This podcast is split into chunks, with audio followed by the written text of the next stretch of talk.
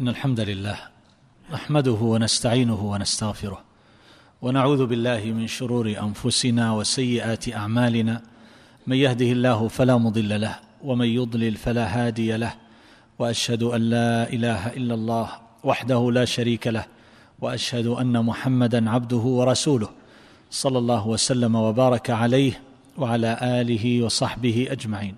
أما بعد فسلام الله عليكم ورحمته وبركاته. نتحدث في هذه الليلة أيها الأحبة عن حديث جديد من أحاديث هذا الكتاب وهو الحديث المشهور الذي يقول الله تبارك وتعالى فيه أنا عند ظن عبدي بي وأنا معه إذا ذكرني فإن ذكرني في نفسه ذكرته في نفسي وإن ذكرني في ملأ ذكرته في ملأ خير منهم وإن تقرب إلي شبرا تقربت إليه ذراعا. وإن تقرب إلي ذراعا تقربت إليه باعا. وإن أتاني يمشي أتيته هرولة. قوله صلى الله عليه وسلم يقول الله تعالى هذا يعد من الأحاديث القدسية فيما يضيفه النبي صلى الله عليه وسلم إلى ربه تبارك وتعالى. يقول النبي صلى الله عليه وسلم فيما يرويه عن ربه يقول النبي صلى الله عليه وسلم يقول الله عز وجل كل هذه الصيغ تدل على أن هذا الحديث من الأحاديث القدسية والمراد بالأحاديث القدسية أي ما يضيفه النبي صلى الله عليه وسلم إلى ربه أي أن ذلك قاله الله عز وجل بلفظه ومعناه على الراجح من أقوال أهل العلم. لأن الذي يميز بينه وبين الأحاديث النبوية أن الأحاديث النبوية غير الأحاديث القدسية يكون اللفظ فيها من النبي صلى الله عليه وسلم.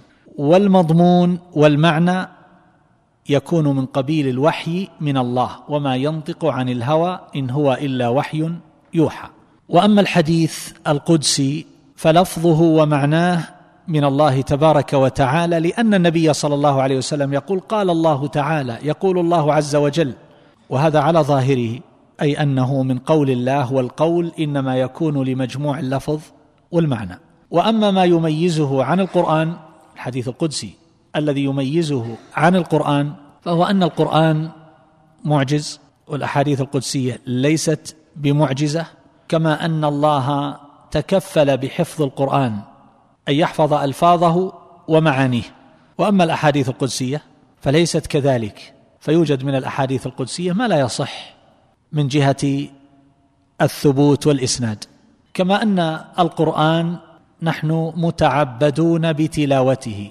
إذا قرأ الإنسان آية إذا قرأ حرفا فإنه كما قال النبي صلى الله عليه وسلم أما إني لا أقول ألف لام ميم حرف ولكن أقول ألف حرف ولام حرف وميم حرف.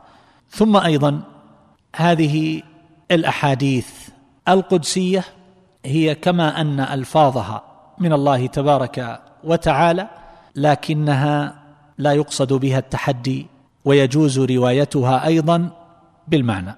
أما القرآن فلا يجوز أن يروى أو أن تقال الآية بالمعنى وإنما يجب أن يؤتى بها كما هي من غير زيادة ولا نقصان. هذا الحديث القدسي الذي يقول فيه النبي صلى الله عليه وسلم يقول الله تعالى أنا عند ظن عبدي بي. أنا عند ظن عبدي بي. هذا إخبار من النبي صلى الله عليه وسلم عن ربه تبارك وتعالى أنه عند ظن عبده به. يعني أنه يكون لعبده بحسب ظنه بربه تبارك وتعالى. أن الله يعطي العبد ويجازيه بحسب ما يقوم بقلبه. من ظنه بربه. وهذا المعنى جاء فيه أحاديث عن النبي صلى الله عليه وسلم كما سيأتي. بعض أهل العلم يقول أنا عند ظن عبدي بي يعني بالغفران إذا استغفر بالمغفرة له إذا استغفر والقبول إذا تاب والإجابة إذا دعا والكفاية إذا طلب الكفاية. وبعضهم يقول أنا عند ظن عبدي بي يعني من جهة الرجاء وتأميل العفو والذي يظهر والله تعالى أعلم أن المعنى يشمل ذلك جميعا. فالله تبارك وتعالى يقول أنا عند ظن عبدي بي ولم يقيد ذلك بحال الاحتضار عند الموت مثلا أو في باب من الأبواب أو في نوع من الأنواع بل هو تبارك وتعالى عند ظن عبده به. فالذي يدعو الله تبارك وتعالى ينبغي أن يحسن الظن بربه أن الله يجيب دعاء الداعين. ولذلك فإن من إساءة الظن بالله عز وجل أن يدعو الداعي وهو يظن أو لا يدعو وهو يظن أو يقوم بقلبه أن الله لا يستجيب له أو لا يستجيب لدعاء الناس. فهذا من سوء الظن بالله عز وجل. يستجاب لأحدكم ما لم يعجل. يقول دعوت فلم يستجب لي. فهذا من سوء الظن بالله تبارك وتعالى وهو أيضا من الاستعجال في الدعاء. كذلك أيضا من ظن أن الله لا يتوب على التائبين وأن الله لا يغفر لهم ولا يقبل التوبة. فإن ذلك من سوء الظن بالله. فإنه لا يجوز بحال من الأحوال. أن يقنط عبد من رحمة الله تبارك وتعالى ومن قبوله لتوبة ربه عز وجل. فهذا كله من سوء الظن بالله. ومن سوء الظن بالله تبارك وتعالى أن يظن العبد أن عمله لا يتقبل أو أن أعمال العباد لا تقبل أو أنها لا ترفع أو أن الله لا يسمع نداء عباده ولا يسمع سؤال السائلين. أو أن الله تبارك وتعالى يديل الظالم على المظلوم إدالة ثابتة دائمة أو أن الله يديل الكافرين على المؤمنين إدالة ثابتة مستمرة أو أن الله لا ينصر أولياءه ولا يجعل العاقبة لهم إلى غير ذلك من صور سوء الظن بالله تبارك وتعالى وقد ذكر الحافظ ابن القيم رحمه الله طائفة منها. وهكذا من كان يظن أن الله تبارك وتعالى قد ظلمه وبخسه حقه ولم يعطه ما يستحق حينما ساق إليه هذه العلة أو هذا المرض أو أن الله تبارك وتعالى حرمه كثيرا من العطاء الدنيوي من المال أو من الولد أو نحو هذا وأنه يعطي آخرين هم دونه في العبادة والذكر والدعاء وما إلى ذلك فهذا كله من سوء الظن بالله عز وجل. هؤلاء الذين إذا أصابهم البلاء ظنوا أن الله تبارك وتعالى ليس بأحكم الحاكمين وأن هذا البلاء قد وقع في غير موضعه. أو هذا الذي ينظر إلى بلاد الكفار وما فيها من الخيرات والاستقرار والأمطار الدارة والأرزاق الوافرة ثم ينظر إلى بلاد المسلمين حيث الحروب والقحط والمجاعات والأوصاب والمصائب والقتل والتدمير من الناس من يسيء الظن بالله جل جلاله. هذا كله داخل في هذا المعنى. بعض الناس إذا سافر إلى بلادهم ونظر إلى الأمطار وإلى الأجواء الغائمة ونظر إلى الأرض الخضراء على مد البصر ثم تذكر الصحراء والحر وما إلى ذلك لربما ساء ظنه بربه. كيف يعطى هؤلاء وهم على الكفر؟ ولا يعطى ذلك لأهل الإسلام. وما عرف الحقيقة وما عرف حكمة الله عز وجل وما عرف أن هذه الدنيا لا تساوي عند الله جناح بعوضة وأن الله يملي لهم ليزدادوا إثما ثم بعد ذلك يلقونه بالأوزار والعظائم فيخلدون في النار خلودا لا انقطاع له. فماذا تساوي هذه الدنيا وما فيها من نبت وشجيرات وحشائش وقطرات من الأمطار وأجواء فيها من الغيوم كأنها أحلام في مقابل ما ينتظرهم من عذاب الله عز وجل. أما أهل الإيمان فيتقلبون في البلاء ثم بعد ذلك يصيرون إلى دار النعيم واللذات دار المقامة عند الله تبارك وتعالى. وهكذا هؤلاء الكفار حينما يسيئون الظن بالله وأن الله لم يقسم الثروات التي على وجه الأرض قسمة عادلة. فصارت عند قوم لا صناعة لهم ولا بصر ولا معرفة. وأما الدول الصناعية الدول المنتجة فإنها محرومة من هذه الثروات الطبيعية كما يسمونها كالنفط وغيره.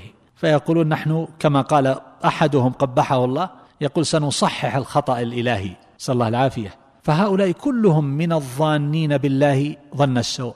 كذلك من ظن أن الطيب أن الخير أن الصالح لا يوفق أو أن المرأة الصالحة الطيبة الخيرة لا توفق فهي لا تتزوج أو لا تكاد أو إذا تزوجت طلقت أو نحو هذا هذا غلط.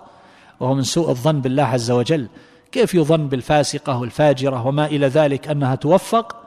وبالصالحة أنها ليست كذلك. هذا غير صحيح. فالله تبارك وتعالى يحوط أولياءه برعايته وحفظه ويحسن العاقبة لهم.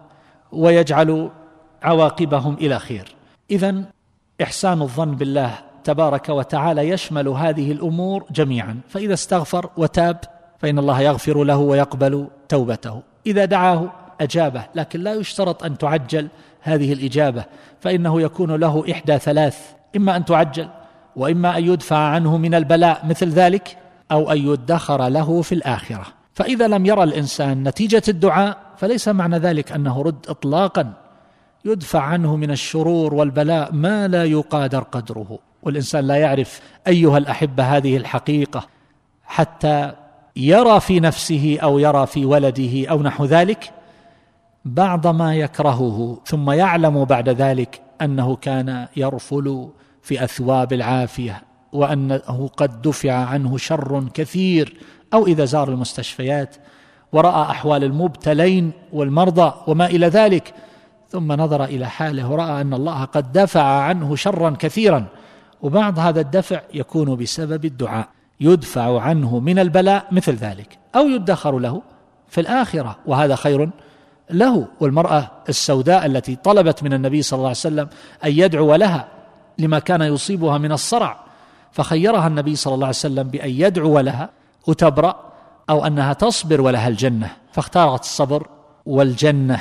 ولا شك أن هذا أعظم بكثير من برء قصير محدود الأمد. يعني تصور لو هذه المرأة طلبت في ذلك الحين أن تعافى انقضت حياتها كأنها أحلام لكنها فوتت على نفسها هذه المزية أو العدة بالجنة بمعنى أن ذلك يكون من قبيل الوعد الثابت المتحقق.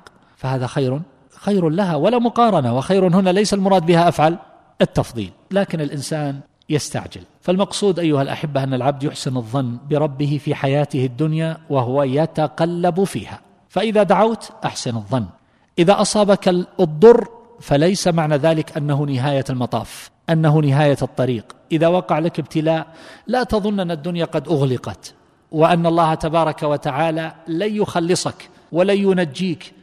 لا ابدا وإنما ذلك لن يطول كل ذلك سيزول ويبقى ذكريات ولكن العبد يستعجل فإذا أصابه الضر يجزع كما قال الله تبارك وتعالى في ذكر طبيعة الإنسان إن الإنسان خلق هلوعا إذا مسه الشر جزوعا وإذا مسه الخير منوعا إلا المصلين ثم ذكر بقية الأوصاف. فهذه النفس التي هذبت بطاعة الله وبالإيمان يخف ذلك فيها وقد يتلاشى. هذا الوصف إن الإنسان خلق هلوعا إذا مسه الشر جزوعا وإذا مسه الخير منوعا. وإلا تبقى النفس هذه المعاني وهذه الأوصاف حاضرة فيها. فالناس يتفاوتون فيها بحسب إيمانهم وبحسب ما تهذبت به أرواحهم. وهذا أمر معلوم مشاهد. اذا من تاب فيحسن الظن. لا يقول أنا ذنوبي أكثر. أنا ذنوبي أعظم لا يمكن أن تغفر أو أن يتألى أحد على ربه تبارك وتعالى. فيقول الله لن يوفق فلان الله لن يقبل من فلان الله لن يهدي فلانا. من الذي يتألى على الله عز وجل؟ هؤلاء طائفة من كبار الكفار المعاندين المحاربين لله ورسوله منذ زمن النبي صلى الله عليه وسلم إلى يومنا هذا. يهدي الله عز وجل منهم من شاء والله عز وجل يقول عسى الله أن يجعل بينكم وبين الذين عاديتم منهم مودة. فهدى الله عز وجل أبا سفيان بعد أن كان هو الذي يقود الحملات من جيوش المشركين لحرب المسلمين صار أول من جاهد وقاتل أهل الردة. فصار من أهل الإيمان ونترضى عنه رضي الله تعالى عنه وأرضاه. وولده معاوية خليفة المسلمين وهو أول ملوك المسلمين. وفتح الله على يده بلادا كثيرة. فهذا كله ينبغي مراعاته وهو في غاية الأهمية والنبي صلى الله عليه وسلم يروي عن ربه تبارك وتعالى أنه قال هذا حديث قدسي آخر من حديث أنس رضي الله تعالى عنه فيما يرويه النبي صلى الله عليه وسلم عن ربه جل جلاله يا ابن آدم إنك ما دعوتني ورجوتني غفرت لك ما كان فيك ولا أبالي. لاحظ ورجوتني. دعوتني ورجوتني. غفرت لك على ما كان فيك ولا أبالي. يعني مهما كانت هذه العظائم والذنوب التي قارفها العبد فإذا دعا الله وتاب واستغفر ورجى الله تبارك وتعالى غفر له ولا يبالي. يا ابن آدم لو أتيتني بقراب الأرض خطايا ثم لقيتني لا تشرك بي شيئا لأتيتك بقرابها مغفرة. فهذا من سعة رحمته تبارك وتعالى ورحمته وسعت كل شيء.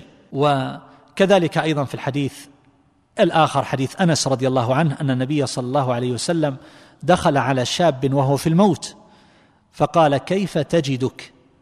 قال أرجو الله يا رسول الله. يعني يرجو رحمته وعفوه ومغفرته وإني أخاف ذنوبي فجمع بين الخوف والرجاء. فقال رسول الله صلى الله عليه وسلم لا يجتمعان في قلب عبد في مثل هذا الموطن إلا أعطاه الله ما يرجو وأمنه مما يخاف. هنا جمع بين الخوف والرجاء وأخذ بهذا طائفة من أهل العلم من قالوا بأنه يجب الجمع بين الخوف والرجاء فهما كالجناحين للطائر لا يطير إلا بهما وذلك في حال الحياة وعند الموافاة. احتجوا بمثل هذا الحديث. وعلى كل حال المسألة فيها كلام معروف وتكلمنا على هذا في الكلام على الأعمال القلبية عند الحديث عن الرجاء والخوف. وهكذا أيضا في الحديث الآخر حديث أبي هريرة رضي الله تعالى عنه وهو هذا الحديث الذي نتكلم على معانيه. وحديث جابر رضي الله عنه أنه سمع النبي صلى الله عليه وسلم قبل موته بثلاثة أيام يقول لا يموتن أحدكم إلا وهو يحسن الظن بالله عز وجل وهذا أخذ منه بعض أهل العلم أن إحسان الظن ينبغي أن يترجح يعني جانب الرجاء عند الموت. وبعضهم يقول يغلب جانب الخوف في حال الصحة ويغلب جانب الرجاء عند الموت لأنه في حال الصحة يحتاج إلى ردع وزجر ويغلب جانب الخوف حتى يصل إلى مأمن. وبعضهم يقول يستوي الخوف والرجاء عنده وعند الموت يغلب جانب الرجاء لهذا الحديث لا يموتن أحدكم إلا وهو يحسن الظن بالله عز وجل. وهذا لا ينافي أن يجمع بين الخوف والرجاء لكنه يحسن ظنه بربه تبارك وتعالى. وكذلك أيضا ما جاء عن حيان أبي النضر قال خرجت عائدا ليزيد بن الأسود. يعني النخعي. فلقيت واثلة بن الأسقع وهو يريد عيادته فدخلنا عليه. فلما رأى واثلة يعني رأى صاحب النبي صلى الله عليه وسلم ويزيد من كبار التابعين ومن خيارهم رحمه الله تعالى. يقول فدخلنا عليه. فلما أقبل عليه واثلة حتى جلس فأخذ يزيد ابن الأسود بكفي واثلة فجعلهما على وجهه. فقال له واثلة كيف ظنك بالله؟ هو الآن في حال النزع في حال الموت في حال الاحتضار. كيف ظنك بالله؟ قال ظني بالله والله حسن. قال فأبشر فإني سمعت رسول الله صلى الله عليه وسلم يقول قال الله عز وجل أنا عند ظن عبدي بي إن ظن خيرا فله وإن ظن شرا فله. هذا الحديث ظاهر في هذا المعنى إن ظن خيرا فله وإن ظن شرا فله. لكن هذا لا يختص حديث الباب الذي نتحدث عنه لا يختص بحال الموت والاحتضار ومفارقة الدنيا وإنما يكون في جميع الأحوال يعني بمعنى أن الإنسان في حال العافية وفي حال أيضا المرض والموت ومفارقة الحياة الدنيا أسأل الله عز وجل أن يختم لنا ولكم بالسعادة وأن يغفر لنا ولوالدينا ولإخواننا المسلمين. والله أعلم. وصلى الله على نبينا محمد وآله وصحبه.